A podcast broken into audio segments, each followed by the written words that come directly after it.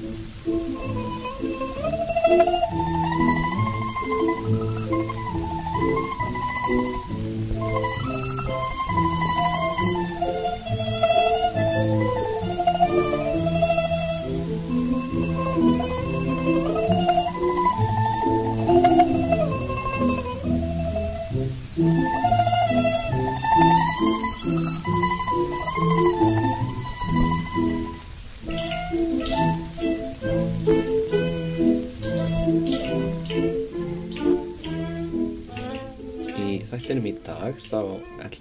Ég að fjalla um nokkur af þessum atbyrðum sem er í bakgrunni síðustu tvekja þáttar en uh, þessi nöfn sem ég er búin að vera að nefna hérna í bakgrunninum uh, keisararnir Heisei, Saga og Junna eru nöfn sem ég ætla að fjalla um í dag. Þetta eru þrýr bræður sem uh, allir ná að verða keisarar og standa bæði saman og, og berjast á móti hvort öðrum. Stóru atbyrðirnir á þessu tímabili frá 800 til svona cirka 840 er í raun ekki valda brölt þessara bræðra. Eh, Stærsti viðbyrðurinn er sennilega uppfinningin á kana eh, og þann á sér stað þegar einhver munkur er að, eða nunna, e- eða allavega einhver sem er í klustri og er að stúdera uh, indverska helgiteksta, ekki kínversku þýðinguna eins og þeir nota oft á tíðum heldur heldur frum texta og fer að hugsa með sér. Það er svo miklu einfaldra að skrifa þessi indversku tungumál því þau nót ekki nema 30-40 stafi. Eru með stafróf en, en kínverska við þurfum alltaf að, leggja á minnið allavega 2000, 3000 ef ekki 10.000 ták Akkur pröfum við ekki að skrifa japanskuna á svipaða máta og undirarnir að gera? Og finnur upp kerfið kana. Þannig að þetta er raun og veru stærsti, langstærsti uh, atbyrður uh, þessa tíma og þetta svo dreifist yfir til hyrðurinnar í heian og er aðalega konur sem fatta tækifærin sem felast í þessari nýju uh, tegund skriftar og rytmáls og byrja að semja ljóð og á endanum skaldsugur sem eru ennþann dag í dag lesnar. En já, hinn stóri viðbyrðurinn er hugsanlega þekkingin sem að kuka í kjöfum með, það er náttúrulega menningin í kringum bútismann breytist og líka myndlistin. Fólk fer að, að, að gera myndir í, og mandölur. Mandölur eru svona eh, leið til að tekna upp eh, bútíska heimsmynd. Og þetta er náttúrulega meiningin með þessu er að maður læri eitthvað af þessu. En það er líka önnur uh, breyting í myndlistinni sem er að eiga sér stað í Japan á þessum tíma og það er að í staðis að vera alltaf að kopjera kynverskar landslagsmyndir sem voru kallar Kara E á þessum tíma og merkir einfallega kynversk mynd þá byrja aðna e, listamenn í Yamato ríkinu Yamato ættin, keisarættin og, og ríkið Yamato. E, þeir byrja að, tekna myndir sem eru kallar Yamato E eða japanska myndir og þær eru teknaðar í japanskun stíl og sína japansk landslag. Og við hefum eftir að sjá meira og meira þessu gerast á heian tímabilinu því að þá byrjar Japana einangra sem meira frá umheiminum og uh, þróa sína eigin hefð sem verður óháð þeirri kynversku í raun og veru eftir næra tímabilið er uh, allan sjáanlegu munur á því sem er búið til í Kína og Japan á, á þessu leiti þeir eru orðinir eiginlega algjörlega kínverskir og náttúrulega öll stjórnsýsla er kínversk. Lögin þeirra eru skrifið á kínversku heðarfólki þeirra er að semja ljóð á kínversku og öll mentin þeirra fælt í því að lesa kínverska texta. En þetta er svona svipað og uppfinningin á Kana uh, að því leytinu til að, að þarna finna Japanur upp sínar sér japansku leiðir og laga þessa menningu sem þeir eru múin að flytja inn að sínum aðstæðum og sínum þörfum.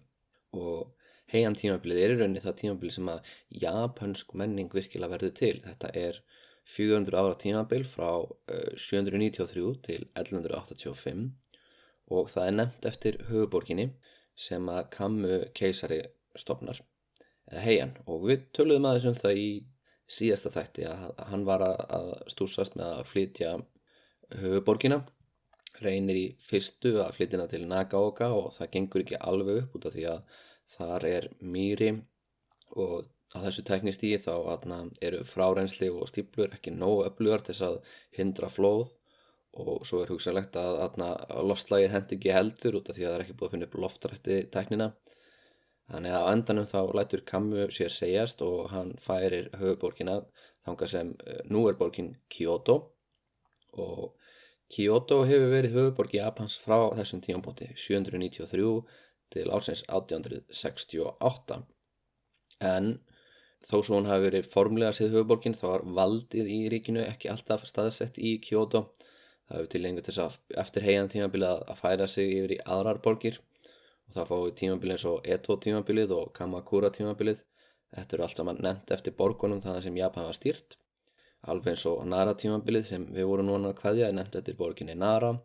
Og Asuka tímabilið er nefnt eftir borginni Asuka sem var ofta á tíðum höfuborg á, á því tímaskeiði en kannski að ég nýti tækifærið og fari örstuðt yfir tímabilin sem við erum búin að kofra í þessum þætti. Og ég byrjaði á því að segja ykkur frá Jomon tímabilinu. Þar atna, frá þenn tíma höfum við aðalega bara leirker en þetta er tímabil sem er næri alveg 10.000 ára ef ekki lengri tíma. Og Jo er uh, svona kynversk lesning á tákni sem stendur fyrir snæri. Og uh, þetta er snæris menninga því að þið nota snæri til að búa til minnstur á leirkinin sín nú uh, þegar leirkinin breytast í kringum 600 fyrir krist þá tölum við um að, að jájói tímabilið hefjast og jájói er ekki lýsing á hvernig leirkerinn eru heldur vísun í það hvar leirkerinn fundust. Þau fundust á svæði í Tókjó sem er kallað jájói og það er svona svipað og við myndum skýra kannski landnámsöldina gravarvóks tímabilið af því að við hefðum fundið einhvern landnámsbæ í gravavóginum bara mjög einfalt jájói er náttúrulega ekki sögulugu tími en við höfum samt uh, típur eins og Himiko. Hún er svona undir lok já, já, í tímabilisins, Nortnadrottningin frá Va og svo er einhverjar heimildur um einhvern konung í Na sem verðist hafa búið í Kyushu og stýrt þeirri eigu í sunnanverðu Japan. Og um þetta fólk er skrifað í kínverskum heimildum en við höfum engar japanskar heimildur um þetta fólk. Eftir jájá í tímabilið kemur Kofun tímabilið sem er nefnt eftir þessum stóru gravreitum, er Kofun, Kofun merkir einfallega svona forn gravreitur á japansku, þetta eru stórir hólar svo stærsti er stærri en, stærsti píramidin í Gísa svo dæmi sér nefnt. Þannig að þetta eru stórar og mikla framkvæmdir en það er á þessum tímapunkti komin eh, stór og lítil konungstæmi í Japan.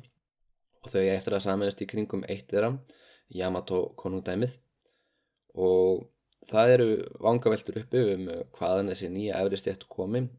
Sumir hafa sett fram þá kenningu að Þetta hefur innrás frá kóruguskánum og svo vilist vera sem að aðalsmenn í Japan á þessum tíma telji sig eiga tilkatt til landa í kóru, taki þátt í pólitíkinni þar, berjist með konungdæmunum Bekkje gegn konungdæmunu Chilla og eigi eh, landa á sunnanverðum skaganum.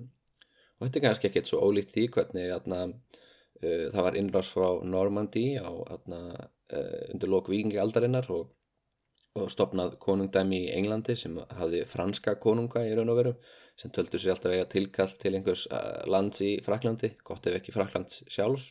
Og maður kannski líka þessu við aðna tímabilið frá uh, þúsund til uh, loka hundra ára stríðsins að því lítinu til að þetta séu alls aðna ættir sem reykir sig á meginlandið og, og telli segja einhverja tengingu þangað. Og einhverju leiti endar þetta þegar hann Tenji keisari uh, tekur þátt í stríði til þess að bjarga konungdæminu Bekkja en tapar fyrir skipaflóta Tang veldisins og Chilla. Og þar með uh, lokast uh, Japan af. Þeir missa ítök sín á meginlandinu og verða að búa sig undir hugsanlega innrás þaðan um, sem á sig reyndar aldrei stað en einhverja síður byggir hann Tenji keisari fullt af virkjum. Og já, þetta er svona Kofun tímabilið fram að Asuka tímabilinu og svo hefst Nara tímabilið eh, þá eru þarna Japanir búnir að eh, stæla kínvera verulega og, og taka upp þeirra svona e, tungumál og kerfi og farnir að byggja höfuborgir í stíl við kínverskar höfuborgir Nara er byggð upp eins og Chang'an sem á þeim tíma er stærsta borg í heimi og er höfð ferkunduð í læginu og heian er þannig séð alveg eins. Nú heian er hérna borg sem er ferkvöndið í læginu, hún er með keisarahöllina uh, fyrir miðju nyrst í borginni, alveg norðamegin og alveg eins og hún var í Nara og alveg eins og í Changan og hún er algjörlega eins og ég segi ferkönduð með götur sem fari beina línur. Þetta er svolítið eins og rúðustrykkað blað. Og hún er ekki reist af uh, svona nútíma borgarskipularsfræðingum sem eru að spá í hvað veri hendugast fyrir fólk hvernig þú veist er gott að ferðast um og hafa goða trafík heldur er hún byggð út frá svona einhverjum lögmálum sem atna, e, Japanur og kynverjar telja sig e, atna, sjá í stjörnum og, og, og uh, landafræðinni í kringum sig. Þetta er svona, það verður að uppfylla einhver kosmísk lögmál og af þeim sögum þá er atna, til dæmis ekki hafðun einn útgangur að ingangur norðaustamegin í borgina því að þaðan kemur ógjafan samkvæmt þessari speki. En á móti þá byrja keisararnir að stýðja við stórt klaustur í Híja í fjalli sem er norðaustamegin Það eru þúsundi munka sem kyrja og byggja og eru þar allt heian tímabilið og lengur og verða mikill pólitíst afl. Nú, sunnan megin er stort hlið, Rashomon hliðið, uh, það er 32 metrar á hæð, turnarnir tveir í því, 8 metrar á breytt og þaðan fer beinlína, stór breyðgata sem er kallið Susaku breyðgatan, fer alveg fjóra kílometra alveg að keisaröðlinni og svona frekar, svona frekar tignaleg sjón myndi ég halda ef þú kemur þarna kerendin á auksakjæru til þess að selja á einum af þeimur mörguðunum í heian. Allt er í tvennulagi í borginni fyrir utan keisarahöllin. Að keisarahöllinu undanskilinni þá eru, þarna, er allt í tvennulagi. Það er uh, markaðarnir tveir, uh, þeir eru austamein og vestamein og speglast nákvæmlega sikkurum megin við breyðkutuna síðan er það hófinn tvö, austurhófið og vesturhófið og þessir eh, vestur og austurhelmingar speglast algjörlega fullkomlega. Og þessi borg er um cirka 100.000 manns á þessu tímabili. 10.000 af íbúumennar eru eh, einhvern veginn viðlóðandi aðalsættirnar uh, jafnvel af aðalsættum. Keisarinn á náttúrulega yfirleitt nokkra tíi badna sem er öll gift inn í einhverjar aðalsættir jafnvel með margar konur og það er allir mjög mörg börn. En það er ekkert skrítið að, að yfirstittin bólinu út í svona mikla stærð en, en að þessum 10.000 þá eru sömi í að þjóna eh, efri stjettinni og, og þetta er bara svona sipað og, og versalir í Fraklandi á sínum tíma. Þetta er náttúrulega bara flókin gókunaröð en þau reyna öll að búa þarna í kringum keisarhöllina eins nálat henni og, og þau geta og síðan eru þið náttúrulega með 90.000 manns þarna sem eru almenningur og, og eru, eru handverksmenn og, og kaupmenn vantarlega og varðlið. Það verður alltaf að varðlið í svona stórum borgum. En hvaðan um það þetta er ekki nema brot af íbúafjölda Japans á þessum tíma. Við upp af heian tíma pilsins þá er hann hérna 6 miljónir fyrir miðbyggðis eru það komin upp í 7 miljónir Þannig að þetta er ekki, ekki stór hluti af íbúfjöldunum sem býr hérna í heian þó svo að þetta sé í rauninni eina fólki sem við vitum eitthvað um. Þetta er fólki sem skilur eftir sig ljóð og dagbækur og pælingar og þannig. Allir hinnur eru sjálfsþurftar bændur og, og, og rétt svo skrimta yfirleitt. Og já, það er Kammu keisari sem að reysir þessa borg og hann bannar öll hóf nema tvö það er út af því að þarna, hún finnst bútísku hofin vera orðin of öflug pólitíst og hann er að reyna að, að hemja þetta vald svo litið og önnur ástæða hugsanlega fyrir því hann er að færa höfuborgina er svo að hann vil marka nýtt upp af. Hann er bara svolítið merkilegt sem gerðist þegar fadur hans kamu tók við. Uh, hann Shirakabe prins eða konin keisari ég er búin að nota bæði nöfnin í sitt hverju hlaðvarpinu tók ég eftir en uh, ég sagði um þann mann að hann væri sjálfur sér ekkit svo merkilegur keisari. Hann uh, tekur við uh, völdum 60 að aldri og, og er orðin háaldrað maður á þess tíma mæli hverða og lifir ekki lengi í ennbættinu í raun og veru. En það er kannski svolítið ósangjart að skauta fram hjá hann þannig út af því að hann marka samt ákveðin tímamót. Því að þarna, eins og ég sagði frá í tíundu þætti þá voru tveir keisarar Tenji og Tenmu mjög merkilegir. Tenji hann atna, er maðurinn sem startar þetta ferli sem leiðir að því að, að Japan verður miðstýrt keisaraveldi. En húnum tekst ekki að gera són sinn Otomo að keisara út af því að yngri bróður hans fremur valdaran og, og ítir þessum bróðu sinni sínum til liðar og gerir sjálf að segja keisara. Og hann Tenmu hann atna, gerir það sama og Tenji keisari gerði það á sínum tíma. Hann sem sagt e, gerir e, svon sinn að Daiji og Dainin það er svona nokkus konar fósættisráður ennbætti á þessum tíma. E, það er að segja prins Otomo var Daiji og Dainin fyrir föður sinn Tenji og hann atna, Tenmu gerir svon sinn að hann Kusakabe að, að Daiji og Dainin. En atna, það, því miður þá deyr sá uh, krónprins og það er sonur hans sem verður keisari þó svo hann sé bara 6 ára aldri eftir að afi hans og amma eru látin þar að segja keisarin Tenmu og keisarinn Jito og það endar á því að út af því að atna, eh, flestir prinsar í ættalínu hans Tenmu eh, kallarnir sem eiga eiginlega erfa ríkið rýmust uh, of ungir eða ekki nú tröst verður sem að keisareinirnar Gensho og Genmei stýra landinu. Það eru þær sem atna, reysa Nara og, og koma svona skipulagi á ríkið uh, má segja. Þær reyða sig svo litið á Fujiwara ættina til þess að reyka ríkið. Þetta er eitthvað sem ég mun hugsanlega tala um í næsta þætti þegar ég reyk sögu þeirrar ættar en það endar þannig að þarna að lókum þá erfir kona nafni uh, Abe uh, sem við þekkjum sem Koken Keisarenjum hún erfir ríkið. Og hún er fyrsta konan sem erfir ríkið uh, án þess að vera erfiða frá látnum eiginmanni eða að hún sé að passa upp á það fyrir svonsinn eða að hún er bara svona réttlæti valdsitt með einhverju, einhverju leiti sem einhvers konar málamiðlunar val á meðan það verið að finna út í hvaða prins eigi að erfa át því þetta er að erfast í gegnum kalleg allan þennan tíma.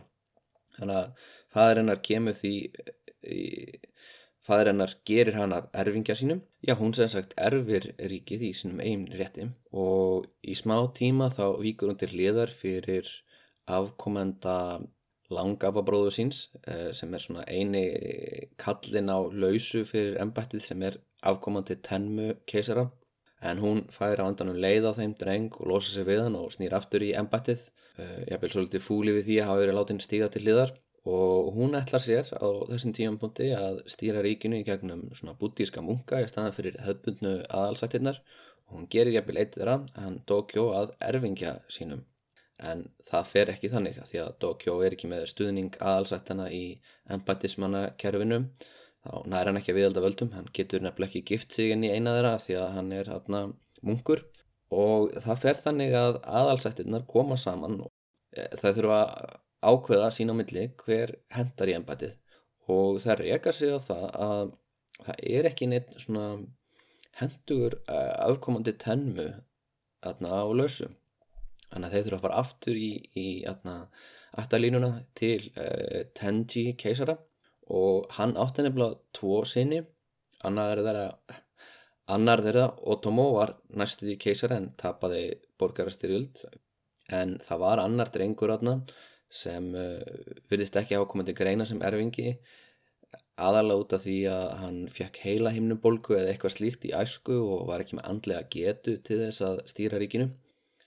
En hann átti sem sagt bad með konu og það bann er á þessum tímapunkti uh, þessi 60-70 maður hann aðna uh, Shirakabe eða, eða konin eins og hann verður síðar þekktur sem hann þegar hann er orðin keisari. Og hann uh, fer, kemst til valda. Og það þýðir að það að tenmu ættilínum er út um myndinni og það komir ný ættilína svo sama og, og átti í rauninna erfaríkið og hann kammu sem er hérna erfir frá föðu sinum uh, honum Shirakabe hún líst bara kannski ekkert á það að hafa höfuborgina á sama stað og afkomandur tenmu keisara.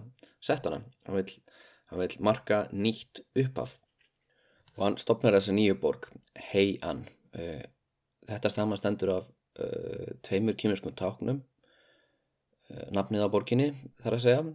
Hei stendur fyrir jafnvægi og frið, An stendur fyrir öryggi og þarna An er tákn sem kemur fyrir í öðrum borgarheitum eins og til dæmis Chang-an eða þarna Tiananmen Square, uh, Torkins himneska friðar, kannist kannski við það í þarna fréttum frá Kínastundum og þá er vísað í mótmælinn sem átti sér stað á Torki himneska friðar eða Tiananmen Square, það er þetta sama An og er oft notað til þess að þarna nefna staði sem eiga að uh, hafa svona jákvæð hugræningatengsl, eitthvað um frið og eitthvað um öryggi og eitthvað svoleiðis.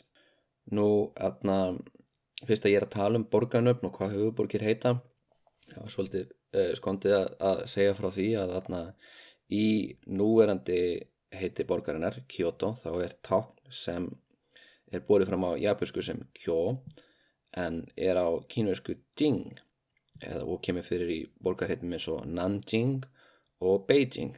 Beijing er norður höfuborgin, Nanjing er söður höfuborgin Kyoto merkir einfallega höfuborgin en ef við förum svo aðeins í austurátt þangar sem borgin Tokyo er þá er taknið To sem er japansku framburður á takninu fyrir austur og Kyo sem merkir höfuborg þannig að það er austur höfuborgin, norður höfuborgin, söður höfuborgin öll með þetta sama takn Kyo eða Jing Nú ef, ef við myndum bera fram aðna heitið á, á Tokyo á kínversku þá er það Dongjing þannig að alveg eins og þú veist það færi Beijing. Eða einhvern veginn þannig ég er nú ekki svo klári í kynvenskunni að ég muni atna, uh, algjörlega hvernig tónin er í þessu. En uh, já það er hægt að lesa þetta á, á báða vegum. Svo þannig eru við komin við erum komin yfir á heian tímabilið það búið að færa borgina til heian og við getum byrjað þetta friðar og atna, friðsaldar tímabil eða hvað. Nú, Kammu hefur einfalda beðinni til svona sinna þegar hann uh, uh, fer frá völdum, eða er nú bara við döðanstyr.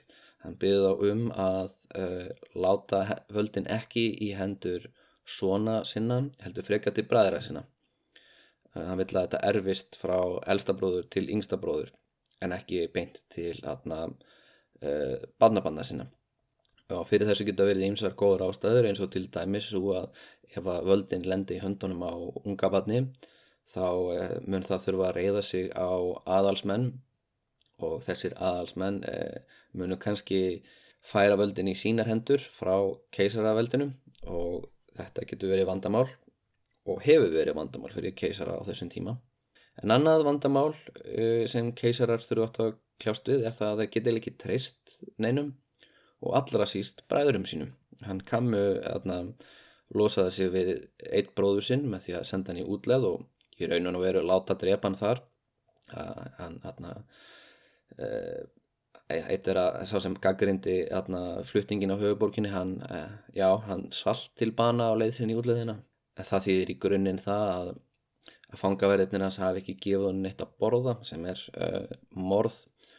Nú það var annar prins, krónprins sem var undan kammu í gókunaröðunni og uh, sá prins uh, hafði móður sem var sýstir kóken keisarinu sem sagt með aðna blóð bæði tenmu keisara og tenji keisara í æðum sínum og þannig svona góð svona mála miðlunar tillega millið þessara tvekja ættalína og sá prins var ásakaður um uh, valdarámstilurinn og eftir það dettur hann úr uh, erfðaröðinni og er svo látin hverfa. En uh, ég veit ekki hvort að Kammu hafi staðið að því sjálfur en hann er maðurinn sem hagnast langt með staði þannig að hann er maður sem hefur ekki uh, farið eftir þessu, hann hefur ekki látið bræður sína uh, njóta þess. Hann hefur lítið á þá sem óvinni sína ekki sem uh, nánustu bandamenn. Og yfirleitt þá haga keisarar sér þannig að þeir passa sig upp á að bræður þeirra séu ekki í valdaðanbættum, ekki ráþarar, heldur bara hafðir svona til liðar. Og þeir reyða sér oft á atna, tengda fjölskyldu sína, láta kannski móðubróðu sinn uh, vera uh, dætjó dænin eða, eða ígildi fósættisræðra eða þeir sleppa því að hafa þessa stöðu, hún er svolítið ofalda mikil stundum þannig að þeir frekar splitta ráðunitunum upp í hægri og vinstri helminga og láta deila völdunum þannig millir tveggja uh, ráðhara, ráðhara hægri sinns, ráðhara vinstri sinns og passa upp á að hafa þá oft úr uh, sitt korri aðals fjölskytunni og Kammu hann er giftur inn í flestar uh, stóru aðals fjölskytunar hann að sjálfsögðu gerir hann eins og aðri keisarar hafa gert hinga til. Hann giftist hálf sýstur sinni. Í vonum að þau tvö geti eignast bann sem er 100% Yamato, algjörlega frá báðum ættaljunum af keisaralegum ættum. Og þannig óháð hinnum valdaættunum. En uh, því miður fyrir hann þá uh, tekst ekki að eignast svon með þarna, þeirri konu. Og hann verður því að reyða sig á einhver á börnum hinna 15 eigin kvennana sem hann hefur.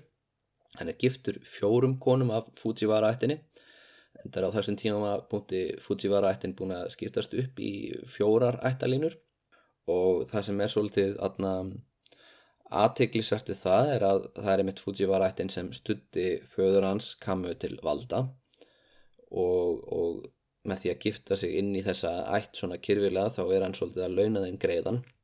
En hann giftist mörgum konum og hann dreifir uh, sagt uh, hann dreifir ábyrð svolítið á milli stuðningsmanna sína, hann gefur ekki einum stuðningsmanni öll völdin í ríkinu og hann heldur sér ekki bara við eina eiginkonu. Og hann á líka eiginkonur af Tachibana ætt og og fleiri, fleiri aðalsættum en uh, einn af þessum öðna sónum hans er maður sem verður setna þekktur sem Heisei. Og þeim munið þegar Kukai kom tilbaka frá Kína þá var Heisei nýtt tekið við völdum og Hann hafði ekkert sérstaklega mikið áhuga á því að betrum bæta bútismann í Japan eða kynna sér það nýjasta sem var að gerast í Kína. og hann stýrir Japan frá 1806 til 1809 og árið 1809 þá segir hann allt í hennu af sér. Og það er svolítið aðdeglisverður atbyrður. Um, hann heisei var alltaf frekar heilsu uh, veill, hann var ekki hraustur drengur, hann er gerður af krónprins þegar hann er 12 óra gammal en þykir þá strax uh, ólíklegur til stórraðana út af því að hann er einfallega búin að vera stöðut veikur í æsku og Kammu hann íhugaður að, að útnefna aðra uh, erfingja. En uh, Heise er einhvað síður elstur og hann er sonur konu af valda mestu ættinni. Móður hans er Fujiwara kona og hún er af þeirri ættalínu sem er valda mest og hann að heisi hendar að því letinu til. Hann getur reitt sig á stuðning uh, valdamikils fólks og, og það ætti að tryggja stöðuleika í ríkinum nema hvað hann heisi uh, verðist álítar sjálfur að ástæða þess að hann er ekki hana, er svo oft veikur en svo hann er sé ásóttur af draugum tveggja prinsa. Það eru bræður uh, föður hans. Uh, bróðurinn sem uh, misti uh, lífið í atna, útlegð af því hann svalt til bana. En svo er það annar prins sem ásækir hann. Já það er ekki föðbróður hans heldur er það hálfbróður hans. Það er atna, drengur sem var líka sonur Fujiwara konu en ekki, ekki sama móðir þó og atna, þessi prins, hann Íó hann var ásakaður um að vera plotta gegn keisaránum og, og tekin af lífi og hann, sem sagt, hann heisi verðist álítast að, það að þessi halvbróður hans sé ásækjan. Og þetta er kannski saminskupið eða eitthvað en uh, fólk er mjög hjátrúfullt af þessum tíma og það telur að draugar geti valdið verulegum skada, geti komiðast af náttúruhörmungum, plágum og drepsóttum, einhverju svoleiðis. Og heisi hann ákveður að til þess að forða Japan frá ógjafi þá ætla hann að segja af sér og víkja til hliðar sem keisari og yfirgefa höfuborgina í og, og skilja krúnun eftir í höndum Saga og Saga er uh, albróðir hans heisi þeir eru þarna þeir eiga ekki bara sama föður þeir eiga sömu móður líka. Þannig að þú veist, Heisei getur huggað sig við það, hann er kannski veikur núna, hann er kannski við döðan styr en bróður sem er taka við og hann mun reyða sig á sama fólk, hann mun halda sömu ríkistjórn og sömu stefnu að því að þeir eru jú aðna úr sömu klíkunni. En uh, svo einhverjum völdum þá atna, það kannski var þetta bara ekki eins alvarlegt tilfelli og hann hegi segja aftur vona hann, hann, uh, hún líður bara miklu betur. Og hann fer til borgarinnar Nara, kemur sér fyrir þar og hugsa með sér, ég er bara nógu hraustur til þess að taka aftur við stjórnáttímanum og þá kemur að svolítið, um, þá kemur að því sem hefur svo interessant við hann, hann heisi ástæða þess að Kammu var næstuði búin að gera hann arflausan á sínu tíma var svo að hann heisi átti sér ástkonu. Og það er nú svo sem ekki tabú að, að eiga sér ástkonu utan hjónabands á þessum tíma. Að með þess að á heian tímabilinu þá er ekkert e, þá er ekkert litið hotnauga að kallmenn eigi sér aðra kallkynns elskua það þykir bara e, mjög fínt og með þess að konur, eiginkonur e, þessara manna það þótt ekkert svo atna, svo mikið neyksli að þær skildu eiga atna, elskuga utan hjónabands.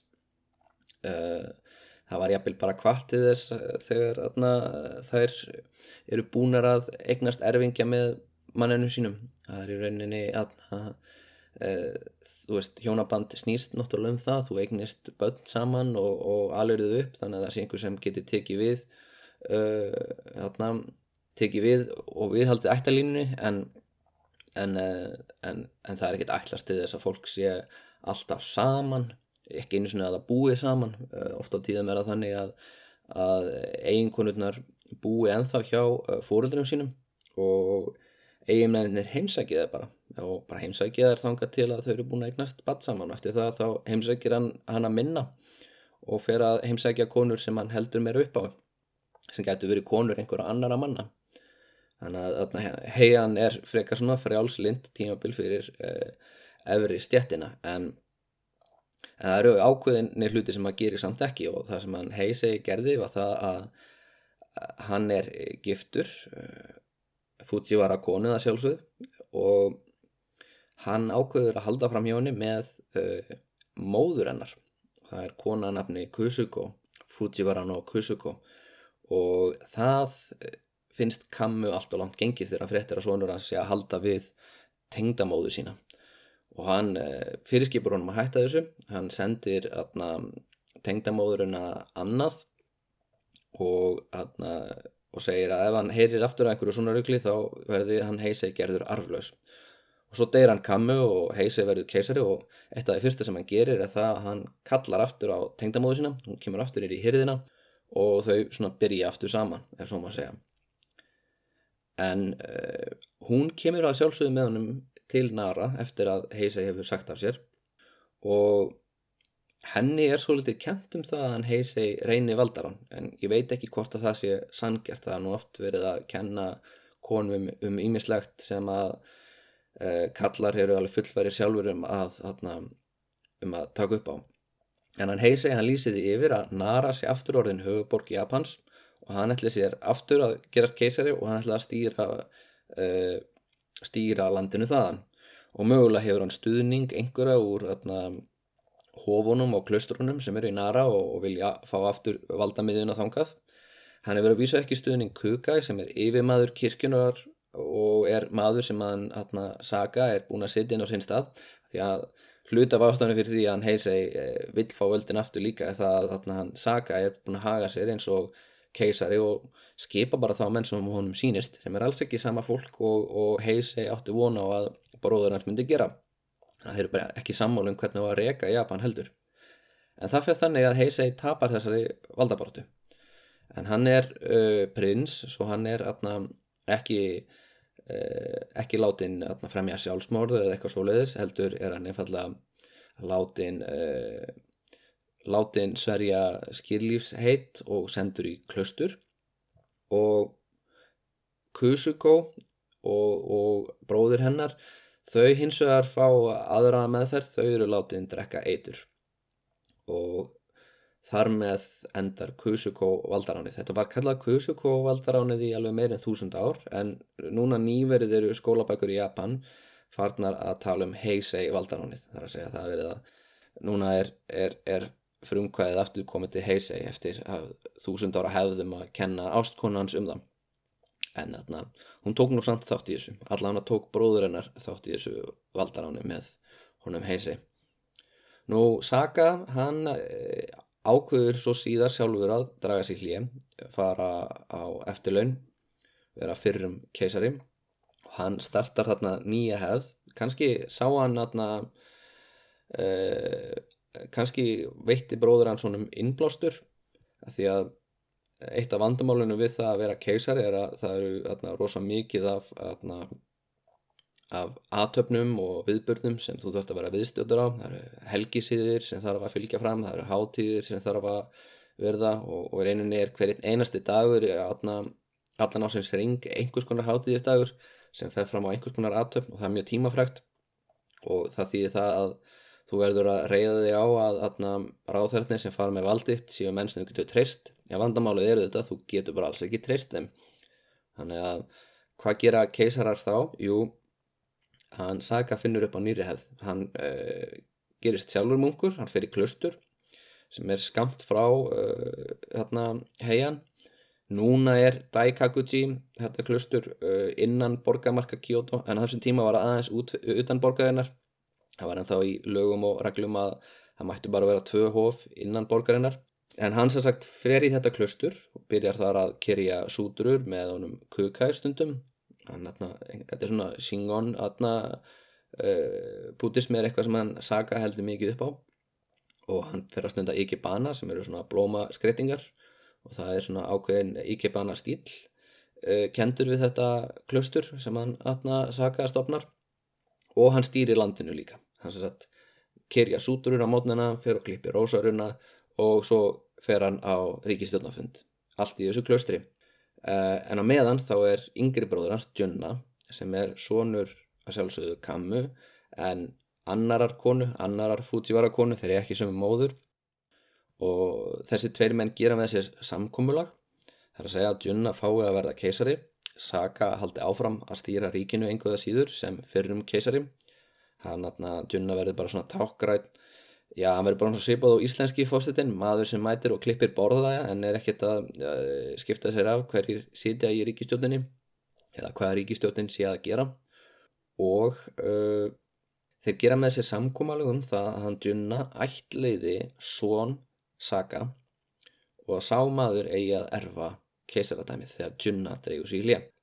Allt er læg, segir djunna og hann gifti sig líka um leið dóttir hans saga hann eignast með henni annan són sem heitir Tsunesata og það gert samkómalögum það þegar atna, sonur Saga og ættleitu sonur Junna er búin að vera keisar í einhverja tíð þá muni hann víkja og leifa sinni hans Junna að taka við sem er líka dóttursonur hans Saga þannig að þeir ætla að blanda saman ættalínum sínum og þeir ætla að skiptast á viksla þar að segja inn á milli er það einhver sem er afkomandi Saga í kalleg og einamællis er einhver sem er ákomandi djunna í kalleg og þeir skiptist á einn dregur sér hlið og stýr í landinu sem munkur og annars á yngri teku við og er takkurætt stjórnandi. Þangar til að komin tíma aftur á að skipta og, atna, og, sá, og sá næsti fyrir klöstur og þetta viðist þetta gangu upp hjá þeim. Það er að segja hann djunna dregur sér í hlið í klöstur og ættletur sónur hans og blóð sónur hans saga teku við völdum sem Ninmjó keisari og Junna fer að aðstóða hann Saka við að reka ríkið en aðna býr, býr sig undir það að fyrir það síðar muni eldri bróður hans uh, jáverða og, og gamall í þetta eða ég bel bara. En svo gerist það óvenda að hann Junna deyr á undan honum Saka árið 1840 og 1842 þá deyr hann Saka líka mjög skindilega og þá veit svo til að hann Ninmjó hann er ekkert á því að hann eigi að láta Tsunesat að fá völdin.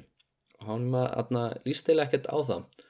Og hann nýtur stuðnings ættmenna sína úr móðurætt Fujiwara liðisins uh, og hann kemur uh, kemur sérsagt krónprinsinum af uh, erðarlistanum og setur sín eigin són uh, framfyrir hann í rauðina og síðan stöttu síðar þá deyr hann sjálfur og þá gerist það sem hann kammi og keisar hafði svo miklu ráðgjör af. Það er ungbann uh, í hásæti.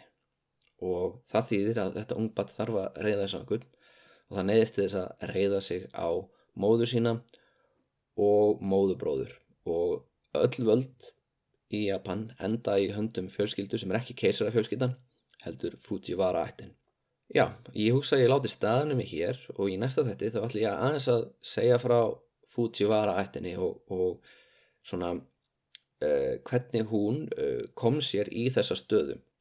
Af því að í næstu þáttum þá munum við mun flest allt gerast í borginni Heian og flest allir við uh, valdarstólana verða Fujiwara.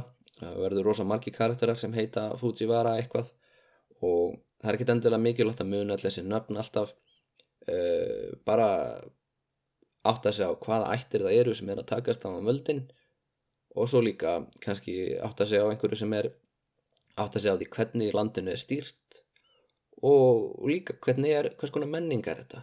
Eins og það sem ég var að tala um hérna áðan um hvernig, atna, hvernig þessi hjónabönd virkuði með aðalsættirinnar er, er eitthvað sem er mjög skrítið. Að þú veist uh, eiginkonaðinn búi enþá hjá tengdafóröldriðinum og þú heimsækir hennar inn á milli að uh, það þykir eðlilegt að, að það eigi sér allir elskuga utan hjónaband og og líka hvernig þarna, þessi uh, brúðköpsæð fer fram. Það er ekkit lítið hotnög að fólk eigi kynferðislegt samband fyrir hjónaband. Uh, það er jæfnilega þannig að, að tengda sinnirnir þeir koma og sofa einanótt og svo aðra nótt og þá þriðju nóttinni sem þau sofa saman þá er, þá er lítið svo á þau séu hjón. En hann geti í rauninni alltaf hætt við hann geti þess að mætt eitt kvöldið annað kvöldið og svo ekki komið þriða kvöldið. Það er bara að þú hérna, kemur þrjú kvöld í rauð sem að þetta er hérna, e, sem að þú kemst ekki lengur út úr þessu sem að þú ert giftur konunni. En svo líka er, gerist ofta fólk í rauninni skilji og konur njóta talsverðara réttinda í þessu kerfi. Svona miða við e, hvað gengur og gerist í öðrum löndum auðvitað, þetta er ekki hérna, neinn feminísk útópía þó svo að þeir hafi haft Eh, keisar innjur eins og kóken en, en, en, en uh, þetta er samt uh, ég er að, að bera fram mjög ofur einfalda mynda þessu því að auðvitað eru líka hjónabönd sérstaklega melli Fujiwara-ættarinnar og keisarættarinnar og svo ég tala ekki um keisarættarinnar innan keisarættarinnar sem eru svona pólitísk hjónabönd og þá er í rauninni prinsarnir og prinsessunar ekki með svo mikið val að því að þetta snýst um pólitísk bandalög. En kannski meðal lægri eh, aðalsmanna þá, þá kemst upp með talsett meira frelsi. Og, og við munum heyra þess meðan um það í einhverjum uh, framall þætti, ég mun fjallum skáld sem áttu sér marka elskuga og svo mun ég að sjálfsögðu eitthvað fjalla um uh, Genji Monogatari eða sögunum Genji sem er já, frægasta skáldsaga í sögu Japans og skrifuð árið þúsund En að þessi sunni þá þakka ég fyrir hlustunina og vona að þetta hafi verið fróðlegt.